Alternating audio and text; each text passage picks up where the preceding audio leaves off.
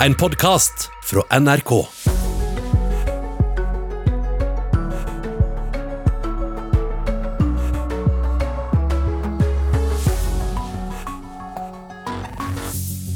God mandag morgen, eh, Nyhetsmorgen starter uken med disse sakene. Koronarestriksjonene lettes nå flere steder, men det er ikke noe grunn til å tenke at pandemien er over av den grunn. I Latin-Amerika er rundt 125 000 døde så langt. Innen oktober kan det tallet ha økt til 400 000. Men eh, koronapandemien har eh, ikke lagt noen demper på investeringslystne nordmenn. 60 000 flere private aksjeeiere er kommet til Oslo Børs siden nyttår. Mange av dem unge, under 30 år, og de er kvinner. Når du begynner å sette deg inn i selskaper og marked osv., så, videre, så ser du liksom hvor mye ting henger i hop, da. Studenter avslørte sikkerhetshull. Personopplysninger knyttet til 3,5 millioner utlån ved biblioteker i hele landet har ligget åpent på nettet. Ja, dette er eh, Nyhetsmorgen i dag med Birger Kolsrud Jåsund og Silje Katrine Bjørkøy i studio. Nå aller først så skal det handle om at eh, det bør bli lettere å varsle fornærmede og etterlatte dersom soningen til straffedømte endrer seg. Det mener Kriminalomsorgsdirektoratet, for eh, i dag blir det ikke gitt beskjed dersom den dømte f.eks. bytter fengsel. Frode Andreassen vil eh, gjerne ha beskjed dersom det blir endringer i soningsforholdene til mannen som drepte datteren hans. Det blir ganske mange. Dette er ikke alt. Frode Andreassen blar gjennom brevet han har fått fra kriminalomsorgen. Et nytt varsel for hver gang mannen som drepte dattera hans, fikk innvilga permisjon fra fengselet. Men etter at drapsmannen bytta fengsel, ble varselet annerledes. Etter at han ble flytta siste gang, så har varslene endret uh, karakter. Da får vi fortsatt greie på uh, hvilke dager han har permisjon, men vi får ikke greie på hvor han skal denne være. Det er enkelte steder der det ikke er anledning til varsling i dag, som vi bør varsle på i framtida. Jan Erik Sandli, assisterende direktør i Kriminalomsorgsdirektoratet, mener at det er flere tilfeller som burde bli varsla enn det lovverket gir rom for i dag. Vi har eh, bytte av fengsel, vi har soningsoppstart. Eh, vi har dødsfall. Vi har også der vi har store medieoppslag rundt den domfelte som, som vi kjenner til. Så kan man vurdere om det, vi skal innføre en varslingsplikt. For i underkant av to år siden sendte kriminalomsorgen inn et forslag til Justis- og beredskapsdepartementet der de foreslår en endring i straffegjennomføringslova. De fikk ikke svar på forslaget.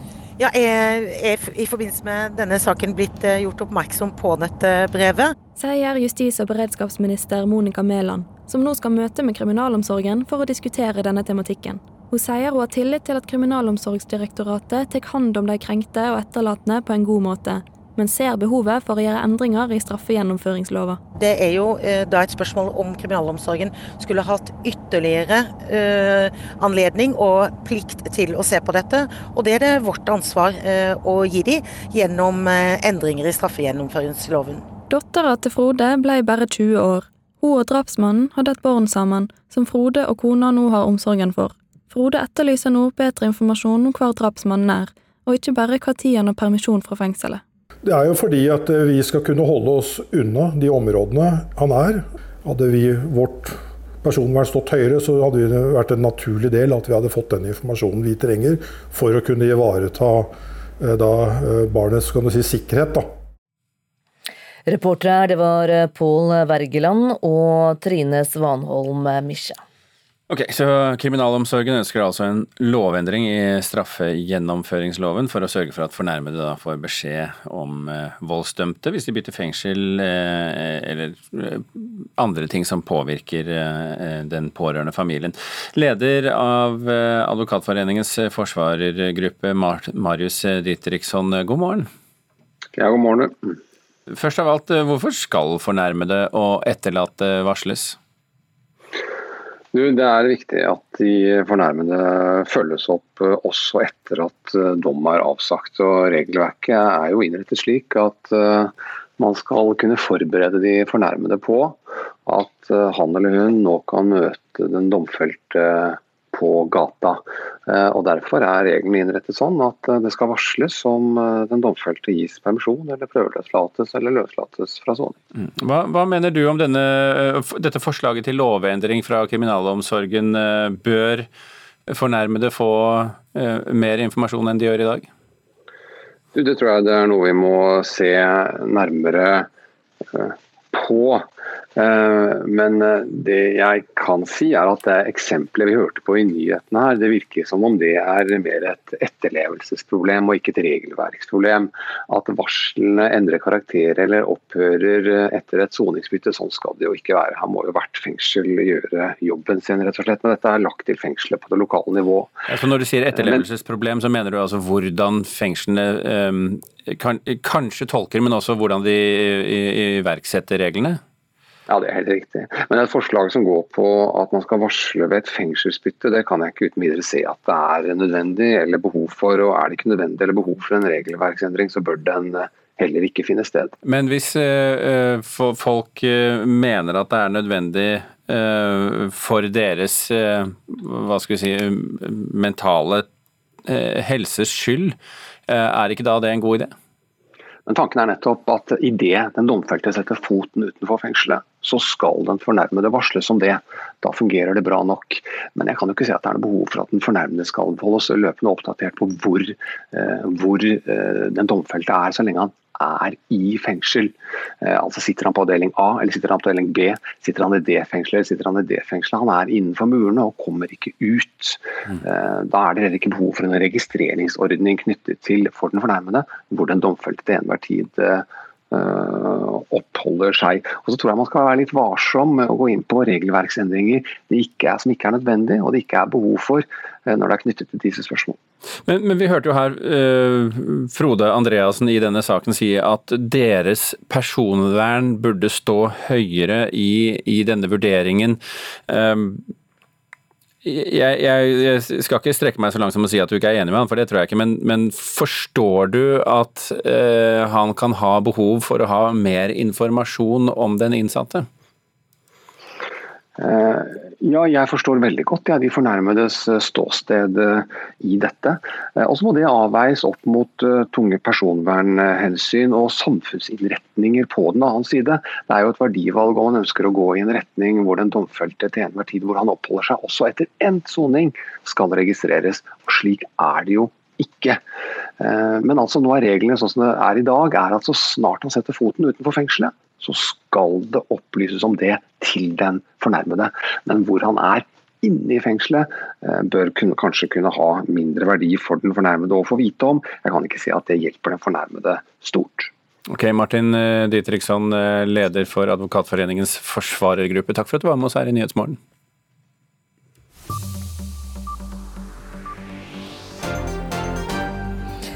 Dette skjedde i natt. I Kroatia har man sittet og telt stemmer i natt eh, etter valget på ny nasjonalforsamling, og da 90% av stemmene var talt opp, så viste det seg at eh, det konservative regjeringspartiet HDZ har vunnet en eh, overraskende klar seier. Det ligger an til at HDZ får 68 mandater i nasjonalforsamlingen, mens Sosialdemokratene får 42. På tredjeplass følger det høyrenasjonalistiske Federlandsbevegelsen til den populære folkesangeren Miroslav Skoro med 15 15 seter. En person er pågrepet etter at en mann i 20-årene ble stukket med kniv i Trondheim sentrum. Mannen og blir behandlet for alvorlige skader på St. Olavs hospital. Knivstikkingen skjedde på utsiden av en pub og et spisested, og politiet har brukt natten på å etterforske og å avhøre vitner. Det var ved midnatt registrert 8930 tilfeller av eh, koronasmitte i Norge, ifølge foreløpige tall fra Folkehelseinstituttet. Det er en økning på tre tilfeller siste døgn og ni tilfeller de siste to eh, dagene. I alt 15 personer får nå behandling på sykehus for covid-19-sykdom. og Det er ifølge fredagens tall fra Helsedirektoratet det. og Det samme eh, er at de samme tallene viser at 251 er døde som følge av sykdommen her i landet. Dette får du vite mer om hvis du følger med på NRK Nyheter i dag. Formannskapet i Ålesund og stortingspolitikere fra Møre og Romsdal kommer i dag til Haramsøya. Der har det jo den siste tiden vært stor motstand mot utbygging av vindkraft, og politikerne vil få informasjon om masseuttaket som skal behandles av formannskapet på tirsdag, altså i morgen. Og så vil miljø- og fiskeriinteresser fortelle om sine bekymringer rundt utbyggingen av Havsul 1. Forhandlingslederne fra Storbritannia og EU møtes til nye samtaler om forholdet etter brexit i dag, og det møtet varer helt frem til fredag. I tillegg har EUs justis- og innenriksminister et videomøte. De skal bl.a. diskutere problemene som er med villedende informasjon om koronaviruset, og det møtet det skal bare holdes i dag og i morgen. Ja, Koronapandemien til tross, eh, eller kanskje pga.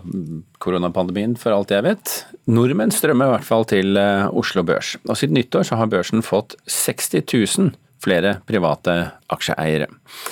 Mange av dem som har startet å investere i aksjer er eh, under 30 år, og stadig flere kvinner finner veien til aksjemarkedene. F.eks. 29 år gamle Ida Hundvebakke. Hun har gått fra å vite ingenting om aksjer, til å starte Aksjekaffe og en egen eh, pengepodkast. Når du begynner å sette deg inn i selskaper og markedet osv., så, videre, så ser du liksom hvor mye ting henger i hop. da. Hele samfunnet, altså egentlig hele livet ditt og hele, hele verden, egentlig. For Hundvebakke var terskelen høy for å komme i gang med aksjer, før hun prøvde seg for første gang for et par år siden. Hun visste da om omtrent ingen som drev på med aksjer, og det hun hadde hørt om aksjemarkedet fra før av, var at det var kjemperisikabelt. Etter hvert som jeg skjønte at det var lurt, så begynte jeg også å tenke sånn Hvorfor er det ingen som har fortalt meg om dette før? Så tenkte jeg også at uh, dette må jo jeg fortelle andre om, rett og slett. Hundvebakke startet derfor med en egen podkast, og det hun kalte for Aksjekaffe, hvor jenter kunne møtes for å snakke om aksjer. Det starta rolig. Men utover året og så videre, så har interessen bare eksplodert. Så det er kjempemorsomt å se.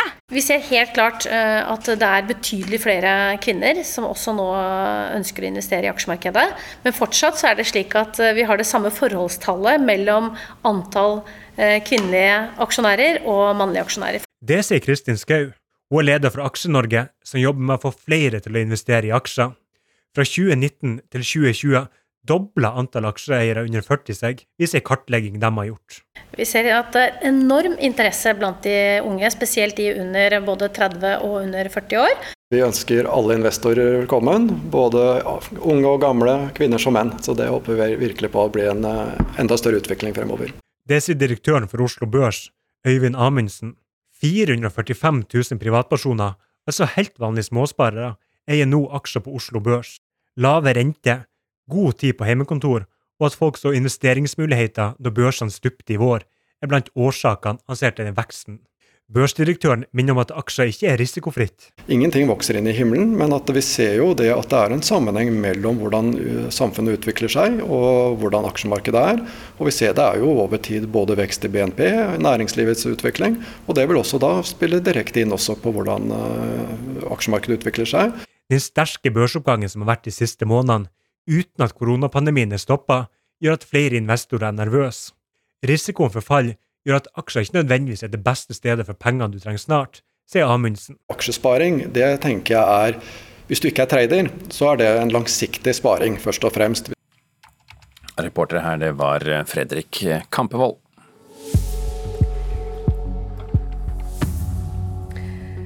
16 minutter over sju har eh, klokka blitt. Det er Nyhetsmorgen du hører på, og blant eh, sakene våre denne morgenen så finner du dette. Etterlatte og fornærmede må lettere kunne få beskjed hvis soningen til den dømte endrer seg. Det eh, mener Kriminalomsorgsdirektoratet. Pågangen av folk som trenger hjelp mot vold og trusler øker. Og Følg med, så får du høre hvorfor Trine Skei Grande trakk seg som partileder for Venstre i mars, selv om hun fikk fornyet tillit som leder. Da skal vi snakke om eh, koronaviruset. Halvard Sandberg. Ja, det kan vi godt gjøre. Det er veldig mye som skjer med koronaviruset. Det som nå har kommet fram, er en eh, rapport til en analyse om hvor mange mennesker som kan ende opp med å miste livet i Latin-Amerika. Og det er helt forferdelige tall. Fordi eh, det er nær en halv million, og det er innen oktober i år. Og ut fra de analysene der, vi kan lese mer om det på nrk.no, så virker det som om man har mistet helt kontrollen på epidemien, pandemien i Latin-Amerika.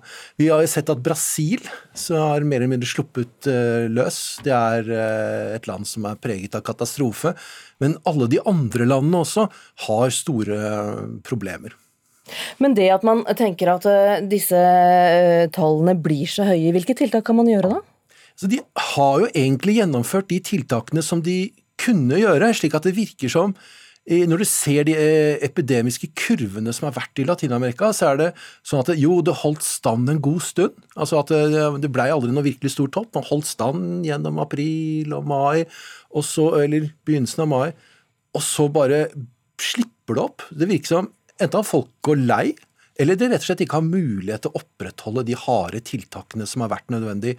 Når det gjelder Brasil, så er det jo en egen uh, situasjon hvor du har en politisk ledelse som uh, forsøker å undertrykke det hele og si at uh, ja, ja, det er en sykdom, folk dør av det. det hva, hva, kan jeg gjøre med det, sier presidenten. Men det han gjør er jo å åpne landet. Åpne landet fordi økonomien er uh, viktigere. så Hvis du skal se det fra et sånn filosofisk standpunkt, så er det å si at det, jo, de som dør, det er folk som ikke har så lenge igjen å leve uansett. Det er de gamle og svake i samfunnet. Og hvis du tror på det at det er de sterke som har retten til å leve, så slipp opp for denne sykdommen. så ja, så dør det massevis av mennesker som eh, i ren økonomisk forstand kanskje ikke er så eh, produktive, og så lar du forretningsliv og barene drive på og tjene penger eh, for landet. Hvis du ser det på den måten, og det når det gjelder Brasil, så er det jo mange som beskylder den politiske ledelsen for å se det på akkurat slik. Men, men, også i Chile så er det mange smittede nå? Ja, i Chile så er det Kan det virke som folk Uh, har blandinga gått lei, og de rett og slett har ikke ressurser til å fortsette med det som de har gjort. De var veldig strenge, uh, og så så at det begynte å glippe opp også. Det er uh, Du kan se noe av det samme også i USA, hvor de hadde harde tiltak og fikk kontroll over hele landet. Altså hele landet så ut som det var på vei til noe som var greit og så eh, har lysten til å starte et normalt liv igjen og møte folk og gå på bar og gå på gata og gå på jobb, har blitt så sterk både hos politikerne og folket selv at eh, det slipper opp, og det er noe de eh, ser ut til at de må betale for nå. Hvor lenge kan vi regne med at tallene kommer til å være så høye? Ja, Hvis det slipper helt opp, så jeg regnet ut at det vil ta tre år for Brasil å gå gjennom hele befolkningen. Uh, omtrent. Uh, nå går det raskere. Du kan uh, regne med at kanskje en halv million brasilianere blir smittet hver dag. Så har du noen dager, noen måneder å gå på før det, det brenner ut. Men det er jo en lang og seig prosess med mye lidelse hvis du først skal gjøre det sånn. og andre land i verden, inkludert i alle land i Europa, har jo valgt en annen vei å gå. Takk skal du ha, utenriksmedarbeider Halvard eh, Sandberg. Ja, Da skal vi til eh, TV 2, som ifølge Medietilsynet har brutt to av kravene i avtalen med staten om allmennkringkasting. Eh, vi fikk rapporten, eller Medietilsynet la frem rapporten klokka sju i dag. Det betyr da at, at TV 2 får en avkortet kompensasjon. I 19, nei, I 2018 så husker du kanskje at TV 2 eh, fikk status som allmennkringkaster her i landet for å bidra til å opprettholde mediemangfoldet. og Så skulle de sikre også at vi her i NRK fikk en dugende eh, konkurrent. Eh, og så skulle de sikre riksdekkende nyheter produsert utenfor Oslo. Og Hvis de fulgte alle disse reglene, så skulle de få en, en eh, kompensasjon på inntil 135 millioner eh, kroner. Men kulturreporter Ida Yasin Andersen, nå får de altså avkortet deler av denne kompensasjonen? Ja. Og Medietilsynet konkluderer òg med at TV 2 har gjort en god jobb, men begrunninga er at kanalen ikke hadde majoriteten av redaksjonelle medarbeidere ved hovedredaksjonen i Bergen gjennom hele 2019, og sendte ikke nok innhold om religion og livssyn. Så direktør i Medietilsynet, Mari Velsand, eh, sier at ett av bruddene fører til at TV 2 får avkorta kompensasjon. Og det er ikke avklart ennå hvor mye eh, penger TV 2 får, da. Og Avtalen mellom TV 2 og Telia Norge regulerer jo hvor mye Get skal betale for TV 2 sine kanaler, sånn at de kan eh, legge kanalene i pakkene så de selger til kundene sine. Og så er det jo da Telia som eier Get, for å komme med litt bakgrunnsinformasjon der. Og 1.6 så mista 480 000 Get-kunder tilgang til kanalene til TV 2. Og dette var fordi at partene ikke ble enige om en ny distribusjonsavtale. Så øh, vet vi noe om når vi får vite hvor mange penger øh, TV 2 da får i kompensasjon? Litt usikker på når en eventuelt øh, får en avklaring der. Ja, vi får følge med så godt vi kan. Ida Yesin Andersen, takk for at du orienterte.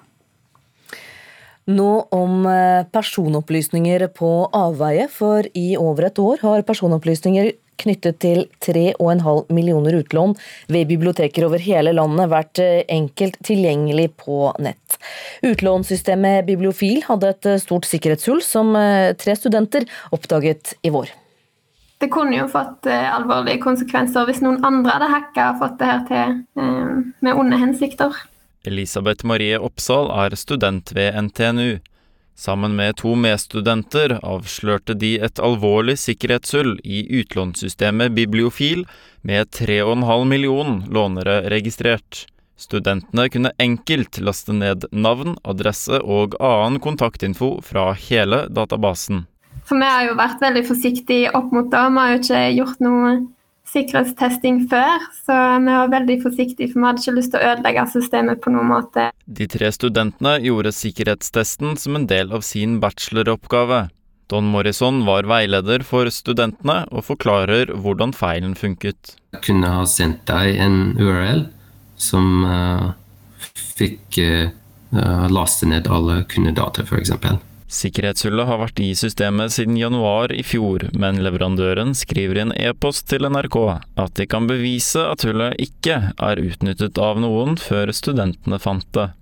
De rettet feilene samme dag som de ble gjort oppmerksomme på dem. Professor ved NTNU Christian Jøsteen berømmer leverandøren for den raske rettingen. Det er klart at det er mindre alvorlig når eh, en svakhet ikke har blitt utnyttet, enn den har blitt utnyttet. Selvfølgelig er det slik at denne svakheten skulle aldri vært der. Det er veldig alvorlig at den er der, og det burde ikke vært sånn. Men hell i uhell, tross alt. Det er mye bedre at det ikke har blitt utnyttet, enn at det har blitt utnyttet. Jøsten får støtte av bransjekollega Gisle Hannemyr ved Universitetet i Oslo. Han kritiserer sikkerheten med tanke på at systemet er i bruk ved 159 biblioteker over hele landet. Blant dem er mange skolebiblioteker og ett fengselsbibliotek. Den, altså, det er ikke slik at man bør gjøre den typen testing fordi at målgruppen er sensitiv. Ehm, man bør alltid gjøre sikkerhetstesting. Biblioteksystemer skriver at feilene oppsto da de tok i bruk nye nettjenester i januar i fjor. De planlegger å gjøre en rekke nye tiltak for å styrke sikkerheten i løsningen ytterligere, og det er studentene fornøyde med. Sikkert mange som tenker at denne, den informasjonen du gir til biblioteket er trygg, og ja, at de ikke tenker over hva informasjon de gir ut på nettet. Så da har vi jo på en måte vist at til og med det som er på biblioteket, kan hackes. Reporter her, det var Torjei Moe Batalden. 11. mars varslet Trine Skei Grande at hun trekker seg som partileder fra Venstre, og du husker kanskje at det var mye oppmerksomhet om kampen om hennes eh, lederposisjon, der bl.a. Abid Raja og Sveinung Rotevatn var hennes argeste utfordrere. Og så endte det da med at de to ble nominert til nestledere isteden, mens Grande skulle få en ny periode som leder. I det nye P2-programmet To i campingstol forteller Grande om eh, hvorfor hun likevel trakk seg etter problemene i partiet eh, tilsynelatende var løst. Jeg skal være helt ærlig at jeg hadde bestemt meg for å bruke hvert fall et år av livet mitt på å prøve å bringe dette sammen. At det ikke skulle være så harde konfrontasjoner som det det var. Eh, spesielt mellom de to. Og så hadde vi da to pressetreff den fredagen. Og det det, når jeg reiste hjem fra det, så var jeg ikke overbevist på om dette var en jobb jeg kom til å klare. Om jeg kom til å klare å bringe dette sammen. Og, Hvorfor det? Hva var det med det pressetreffet? Nei, dem, eh, Jeg følte ikke helt at de var til stede i den jobben. Og jeg måtte, skulle jeg klare å jobbe et år sammen med dem og, og prøve å bringe det, dette sammen til et lag, så måtte jeg kjenne at jeg har motivasjon til å gjøre det. Eh, og den Men Mener du at. Rotevatn og Raja var ufokuserte? Eller? Nei, men de var i hvert fall ikke på den plassen jeg var de to den dagen. Jeg forklarte dem etterpå hvordan jeg syntes det var litt vanskelig. Eh, fordi at hvis du skal jobbe sammen et team, så handler det ikke om du aldri skal være Altså, det er ikke sånn at jeg, Ola Elvestuen og Terje Brevik alltid har vært enige om verken veivalg for Venstre eller, eller sånn, men du må i hvert fall føle at det er en gjeng som jobber sammen. Og det, hvis jeg skal være sånn helt ærlig og følelsesstyrt, det følte jeg ikke den fredagen. Så jeg tenkte dette, dette får noen andre prøve. Dette klarer ikke jeg. For de, de som ikke mener at det var et eh, spekulativt eh, maktgrep å ta dem inn i regjering, mener at det var en genistrek eh, på mange vis, fordi det kunne føre til ro og orden. Men tenker du nå sjøl i ettertid at det var et feilgrep? Nei, jeg mener at en partileders jobb er å gjenspeile hvem det er som har støtte i partiet. Eh, og det var soleklart at det, de var personligheter som var i ferd med å seile opp. Og da er det min jobb. Eh, at, at Stortinget skal Nei, regjeringens sammensetning skal speile dem som har, har støtte i partiet. Så det mener jeg var jobben min. Men jeg merker meg jo også at eh, når damer gjør maktgrep, så blir det sett på som negativt. Når menn gjør det, så blir det sagt, sett på som ledelse. Og det grubler jeg litt over de dagene, skal jeg innrømme. Hele intervjuet med Trine Skei Grande det hører du på P2 klokka 15.30 i dag. I det nye programmet To i campingstol med programleder Håkon Haugsbø. Klokka nærmer seg 7.30, og vi skal gjøre plass til Anders Borgen Werring og Dagsnytt. Men etter det da skal du få høre at da koronapandemien kom, opplevde Blå Kors Borgestadklinikken at antall henvisninger med, av gravide med rusproblemer falt med 70% Det gjorde dem bekymra. Og etter klokken åtte så får vi Jan Arild Snoen på besøk for å klargjøre hva vi skal tenke og mene om eh, hva skal vi si, 4. juli, eh, 4. juli-talen til eh, Donald Trump. Og så skal vi også se nærmere på Høyesteretts avgjørelse om selvangivene hans.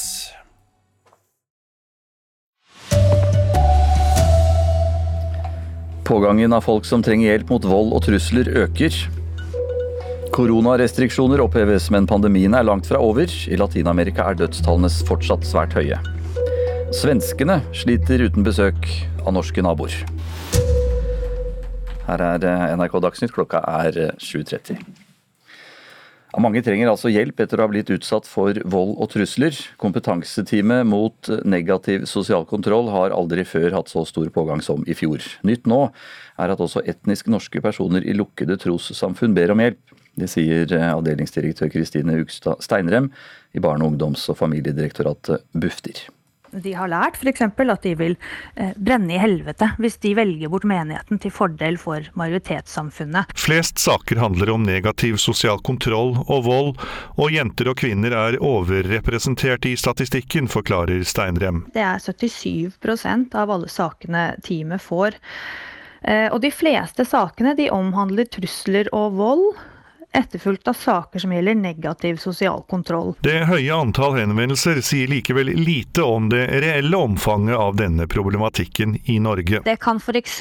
være at det ikke er akseptabelt at en jente har fått seg kjæreste, eh, fordi det kan skade familiens omdømme. Statssekretær i Kunnskapsdepartementet Grunde Kreken Almeland ser med bekymring på det økende tallet som trenger hjelp. For det viser jo også at det er en stor andel av befolkningen som sliter nettopp med de temaene om ja, kjønnslemlestelse, negativ sosial kontroll, tvangsekteskap, æresrelatert vold. Han trekker frem LHBTI-personer i minoritetsgrupper, der homofile, lesbiske, bi-, trans- og intersex-personer blir en minoritet i en minoritet.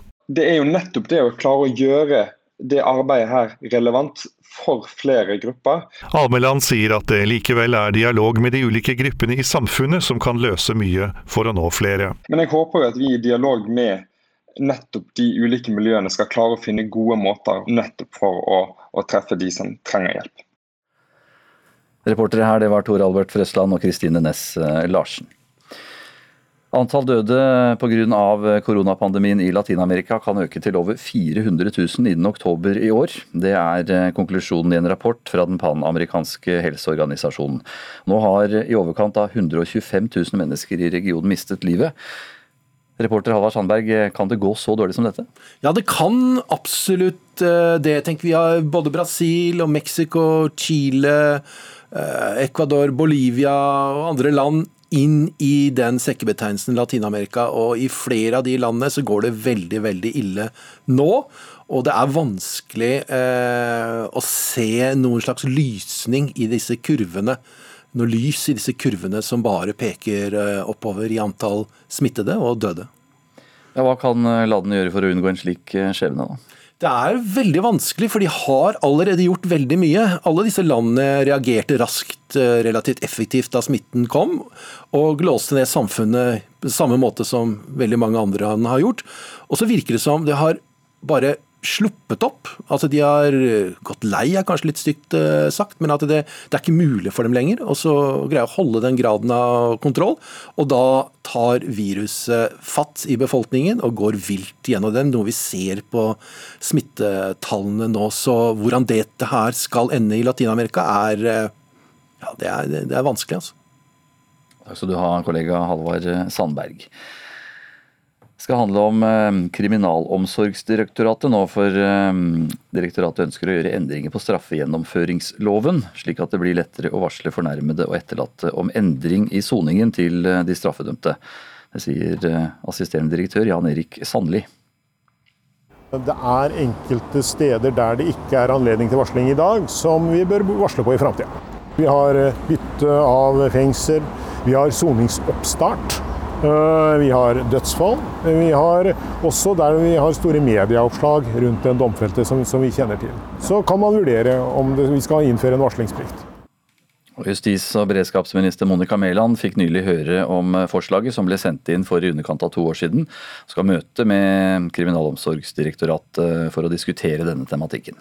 Jeg har tillit til at kriminalomsorgen ivaretar på en god måte, men det er jo eh, da et spørsmål om kriminalomsorgen skulle hatt ytterligere uh, anledning og plikt til å se på dette. Og det er det vårt ansvar uh, å gi dem gjennom endringer i straffegjennomføringsloven. Koronapandemi til tross, mange nordmenn har strømmet til Oslo Børs. Siden nyttår så har børsen fått 60 000 flere private aksjeeiere. Mange av dem som har startet å investere i aksjer er under 30 år, og stadig flere kvinner finner veien til aksjemarkedene. 29 år gamle Ida Hundvebakke visste ingenting om aksjer. når hun startet med aksjekaffe og en egen pengepodkast når du begynner å sette deg inn i selskaper og marked osv., så, videre, så ser du liksom hvor mye ting henger i hop. da. Hele samfunnet, altså egentlig hele livet ditt og hele, hele verden, egentlig. For Hundlebakke var terskelen høy for å komme i gang med aksjer, før hun prøvde seg for første gang for et par år siden. Hun visste da om omtrent ingen som drev på med aksjer, og det hun hadde hørt om aksjemarkedet fra før av, var at det var kjemperisikabelt. Etter hvert som jeg skjønte at det var lurt, så begynte jeg også å tenke sånn Hvorfor er det ingen som har fortalt meg om dette før? Hundvebakke startet derfor med en egen podkast, og det hun kalte for Aksjekaffe, hvor jenter kunne møtes for å snakke om aksjer. Det starta rolig. Men utover året og så videre, så har interessen bare eksplodert. Så det er kjempemorsomt å se. Vi ønsker alle investorer velkommen, både unge og gamle, kvinner som menn. Så det håper vi virkelig på å bli en eh, enda større utvikling fremover. Det sier direktøren for Oslo Børs, Øyvind Amundsen. 445 000 privatpersoner, altså helt vanlige småsparere, eier nå aksjer på Oslo Børs. Lave rente, god tid på hjemmekontor og at folk så investeringsmuligheter da børsene stupte i vår, er blant årsakene han ser til den veksten. Børsdirektøren minner om at aksjer ikke er risikofritt. Ingenting vokser inn i himmelen, men at vi ser jo det at det er en sammenheng mellom hvordan uh, samfunnet utvikler seg og hvordan aksjemarkedet er. Og vi ser det er jo over tid både vekst i BNP, næringslivets utvikling, og det vil også da spille direkte inn også på hvordan uh, aksjemarkedet utvikler seg. Reporter Fredrik uh, Kampevold. Og det er kanskje mange nye aksjeeiere som har eh, investert i hytte på fjellet, for eh, hyttemeglere på fjellet melder nå om 80% økning i salget, ifølge Dagens Næringsliv. Koronakrise og lav rente skal være årsaken til at mange nå ønsker seg hytte på fjellet. Kulturminister Abid Raja vurderer å droppe lederkampen i Venstre, det melder VG.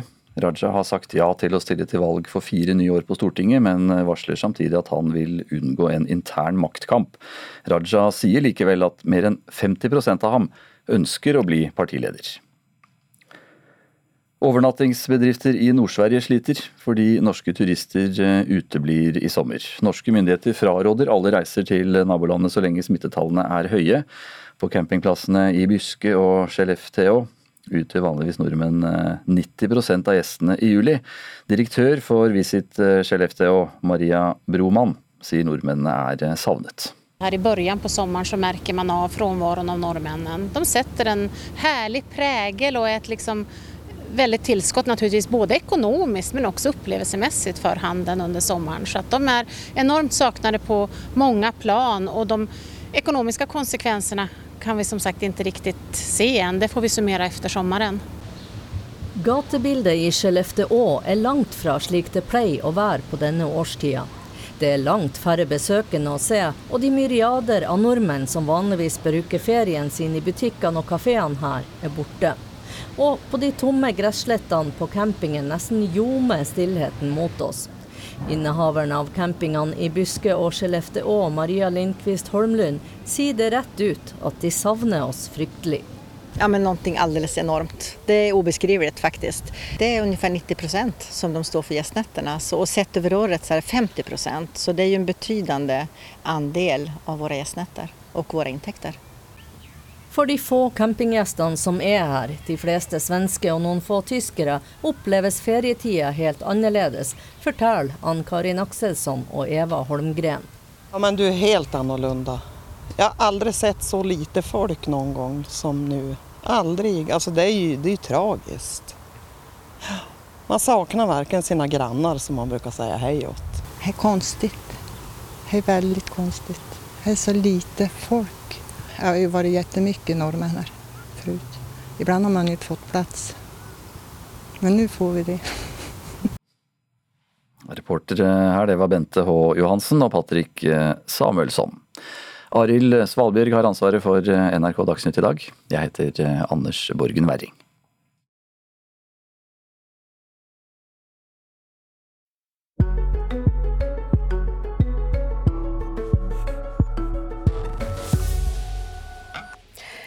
Gravide med rusproblemer blir gjerne henvist eh, til å få hjelp, men under koronapandemien opplevde Blå Kors-klinikken Borgestad i Skien at de fikk 70 færre henvisninger enn eh, i mars, april og mai enn det de gjør til eh, vanlig.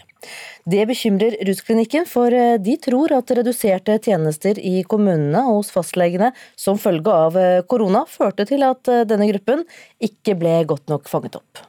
Altså, jeg har jo slitt med rus, og jeg ville jo slutte med å ruse meg. Og dette her var utveien min, å være her og få hjelp både til rusbehandling og veilede og hva som skal skje videre med fremtiden. Det sier en kvinne som ble mamma til en liten gutt for to måneder siden. Hun var gravid da hun kom til Blå Kors Borgestadklinikken i desember for å få hjelp til å bli rusfri. For henne var det godt å få hjelp. For meg så tenkte jeg på barnets beste. Jeg tenkte ikke på, jeg var ikke redd for hvordan folk skulle se på meg. Jeg, heller, jeg tenkte heller på tryggheten til ungen min. Blå Kors Borgestadklinikken i Skien har en egen avdeling for gravide og familier som får henvisninger fra hele Sør-Østlandet. Under koronaperioden i vår opplevde klinikken en nedgang på 70% færre henvisninger av gravide med rusproblemer. Det bekymrer Lena Larsen, som er leder for avdelingen. Eh, vi tenker jo at eh, selv om eh, det er 70% færre henvisninger, så er det ikke ensbetydende med at det er 70% færre gravide som sliter med rusmiddelbruk og trenger hjelp. Borgestadklinikken har vært i full drift under koronaperioden, men Lena Larsen tror at reduserte helsetjenester i kommunene og hos fastlegene har gjort det vanskeligere for gravide med rusproblemer å be om hjelp. Vi lager oss jo en hypotese på at uh, reduserte tjenester i kommunen, helsetjenester, sosiale tjenester. For de gravide så gjelder jo dette spesielt eh, jordmødre, helsestasjon, rustjenesten, uh, fastlegekontor som har vært mindre tilgjengelig, og vi tenker da også at det har vært vanskeligere for gravide som å få snakka med noen da, og sagt litt om hvilket behov de har. eh, hvis de har rusmiddelproblemer. Renate Stenstrøm i bruker- og pårørendeorganisasjonen Alarm mener nedstengingen av samfunnet påvirket hjelpetilbudet til gravide med rusproblemer. Ja, det tror jeg absolutt. Eh, jeg jobber jo i Alarm, som er en bruker- og pårørendeorganisasjon på rusfeltet. Og vi har jo fått tilbakemeldinger fra folk som bruker våre tjenester, at det, det har vært mindre hjelp, og tjenestene har vært mindre tilgjengelige. Så jeg tror at eh, det har vært lettere å skli under radaren i denne perioden. Det tror jeg. Kommunejordmor i Skien Beate Bjerke Løken sier at anbefalingen fra Helsedirektoratet var kortere samtaler på 15 minutter med gravide under koronaperioden. Men dette lot seg ikke gjennomføre, og i Skien har jordmødrene hatt konsultasjoner nesten som normalt på helsestasjonene. Løken mener derfor at det ikke har vært vanskeligere å fange opp gravide med rusproblemer. Nei, ikke vanskeligere enn ellers. Eh, vi har jo prøvd å ha litt kortere konsultasjoner, men i praksis så har det vært veldig vanskelig fordi gravide har eh, ofte vært bekymra i denne perioden. Så selv om eh, et koronatiltak var at det skulle være kortere konsultasjoner, så har vi erfart at det har ikke blitt det. Den nybakte mammaen på Borgestadklinikken er glad for at hun fikk hjelp i tide. Nå håper hun på en ny og rusfri framtid for seg og sønnen sin. Jeg håper om stabilt framtid, eh, selvfølgelig. At jeg slipper å komme hevne tilbake her en gang til. Dette her skal være min siste gang at jeg er på sånn behandling, og at eh, vi kommer til å klare oss. Reporter her var eh, Vigdis Hella.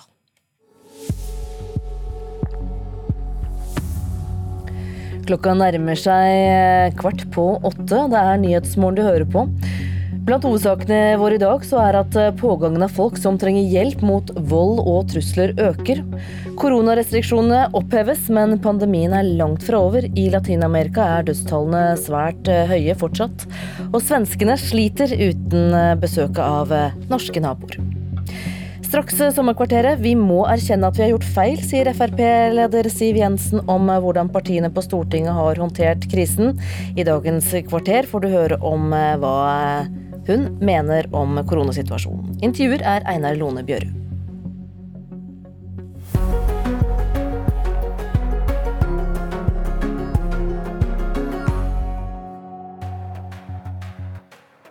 Jeg savner å klemme på folk. Det er jo, ikke sant, Vi er jo skrudd sammen sånn at vi gir hverandre en klem når vi møter folk vi kjenner. Og vi har jo ikke kunnet klemme på andre enn de aller, aller nærmeste nå i mange, mange uker. Jeg heter eh, Siv Jensen og er eh, partileder i Fremskrittspartiet. En vår utenom det normale for alle mennesker. Men for eh, Fremskrittspartiet og Siv Jensen så er det ikke bare korona som har prega 2020 så langt. Etter rundt syv år som starta med Morna! endte i januar med Jeg tok oss inn i regjering, og nå tar jeg Fremskrittspartiet ut av regjering. Og siden har partiet sittet på Stortinget og jobba fra opposisjon. Om bl.a. iskant og budsjett. Men så Store deler av Norge stenges ned. Hjemmekontor ble den nye hverdagen, også for Siv Jensen. Det er jo veldig lett å bli skal vi si, mindre disiplinert når man er hjemme.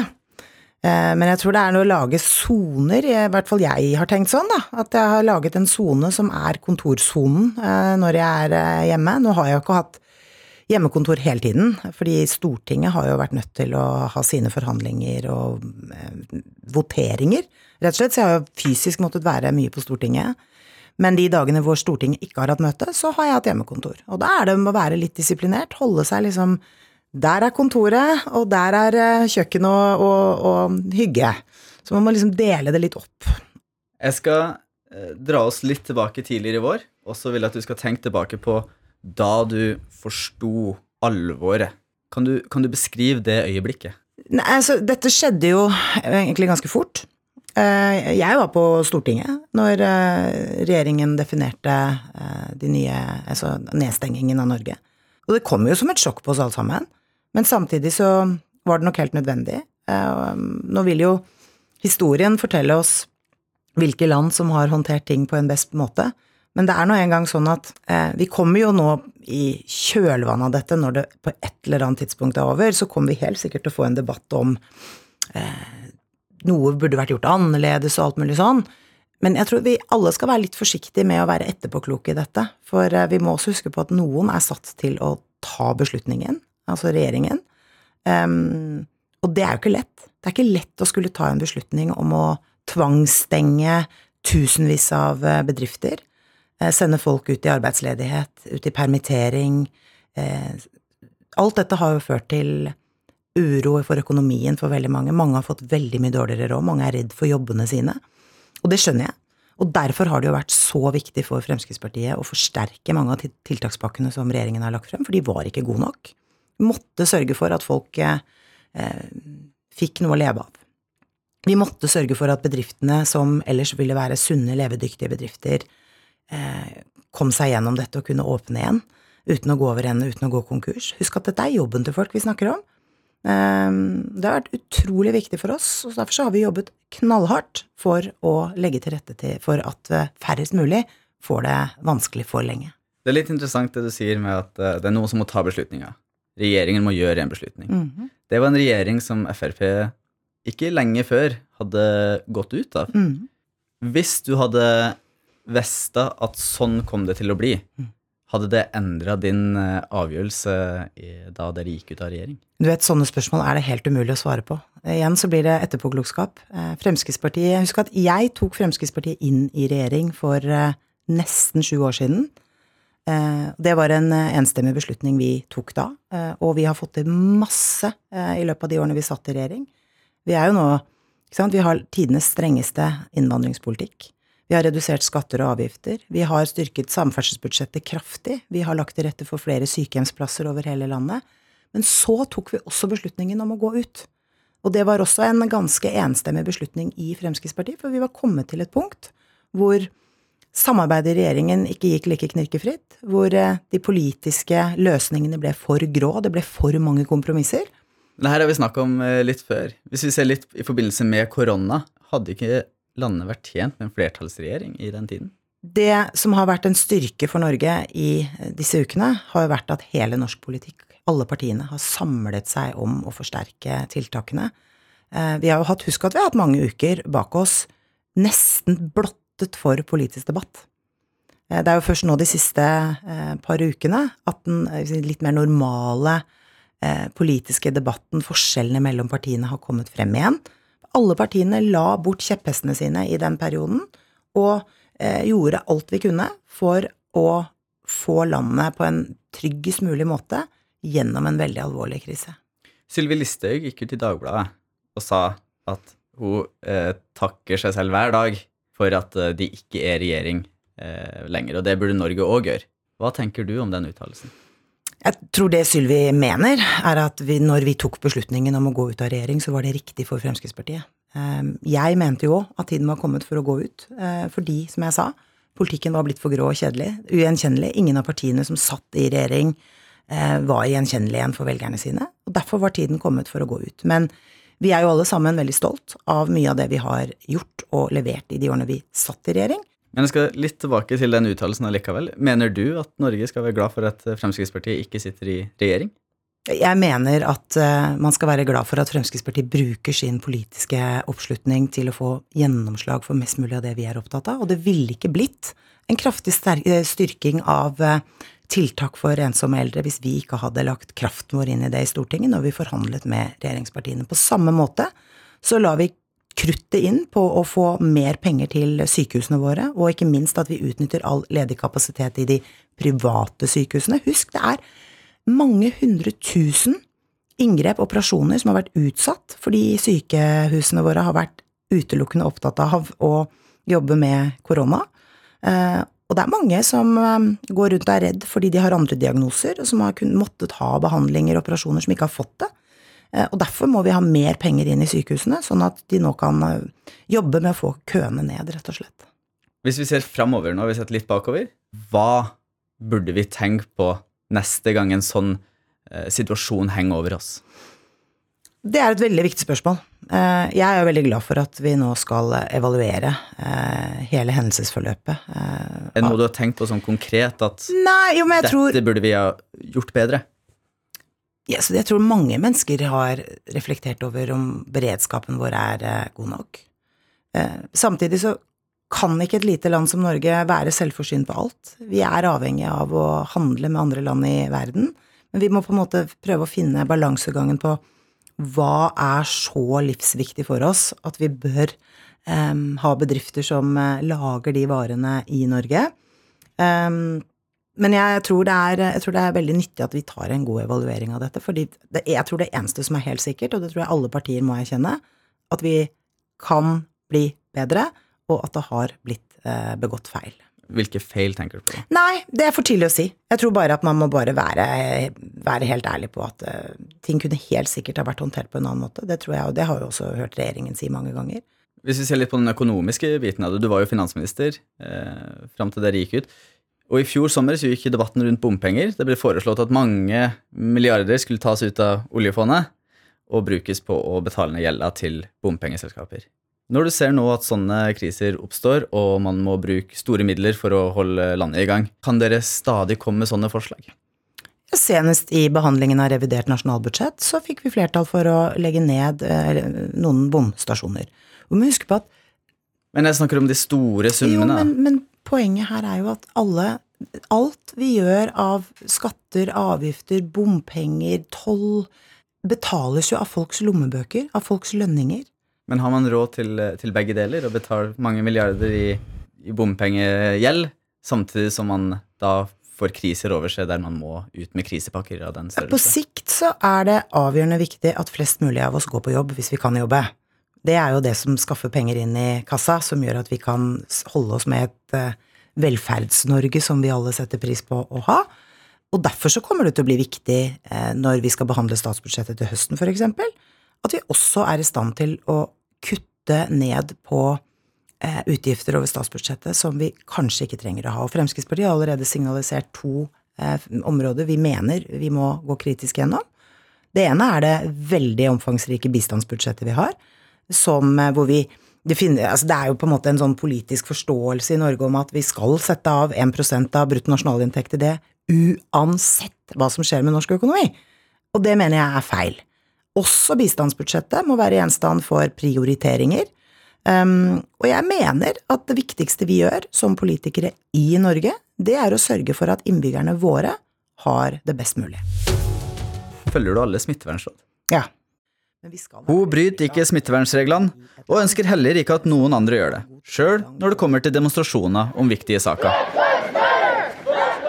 Landene rundt demonstrerte folk mot rasisme, og Frp reagerte. Ikke mot saken, da de sier at kampen mot rasisme er veldig viktig, men de kritiserte de store ansamlingene av mennesker som fulgte med demonstrasjonen, fordi de mener at det risikerer å stenge ned samfunnet igjen. Det mener jeg er direkte uansvarlig når vi setter så mange menneskers arbeidsplasser, bedrifter, i fare gjennom å ha stengt det ned. I debatten som fulgte etter demonstrasjonene, så skrev Jensen og partikollega Jon Helgheim en ytring i NRK, der de mente at det ikke finnes noen systematisk rasisme i Norge.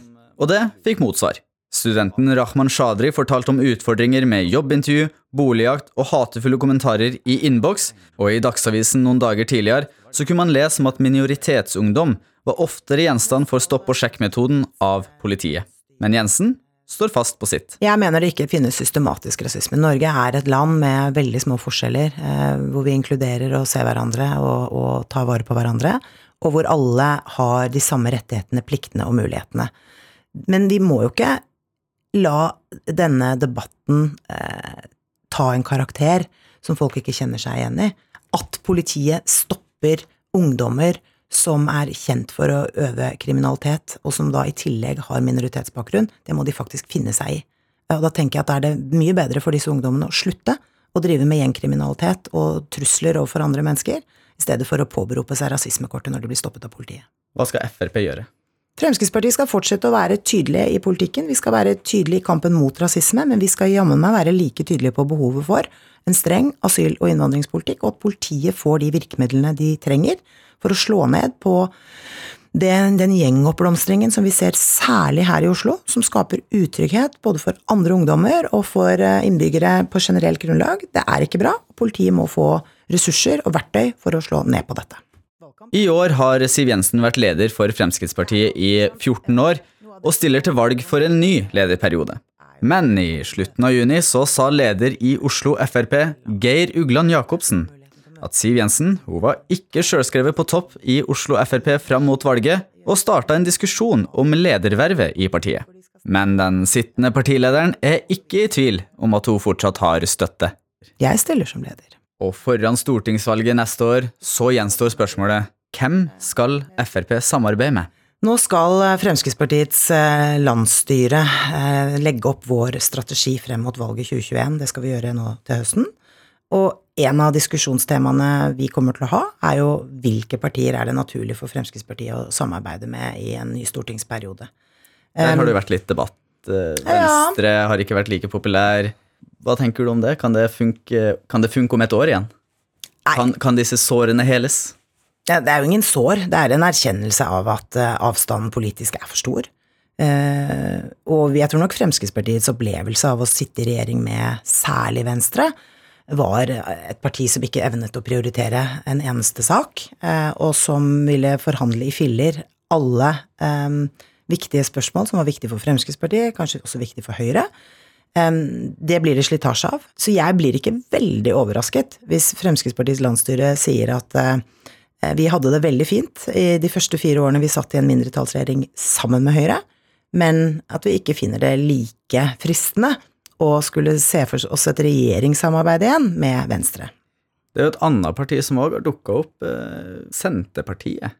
Sylvi Listhaug har vært og strakt ut en liten hånd der. Er det et parti du kunne ha tenkt deg å satte deg ned rundt et bord med Nå utfordret jeg Trygve Slagsvold Vedum for en del måneder siden på det, fordi det er nå engang sånn at Slagsvold Vedum og Senterpartiet prøver av og til å skape et inntrykk av at de er for lavere skatter og avgifter og andre saker som Fremskrittspartiet også er opptatt av. Men det er ikke mulig for Senterpartiet å få det til hvis de skal samarbeide med Arbeiderpartiet, SV, MDG, Rødt, som alle utelukkende ønsker å skjerpe skattetrykket i Norge ganske dramatisk, både for bedrifter og for vanlige folk. Ser du det som utenkelig? et uh, scenario hvor Høyre, Senterpartiet og Frp sitter i regjering sammen? Da må Senterpartiet bytte politikk først.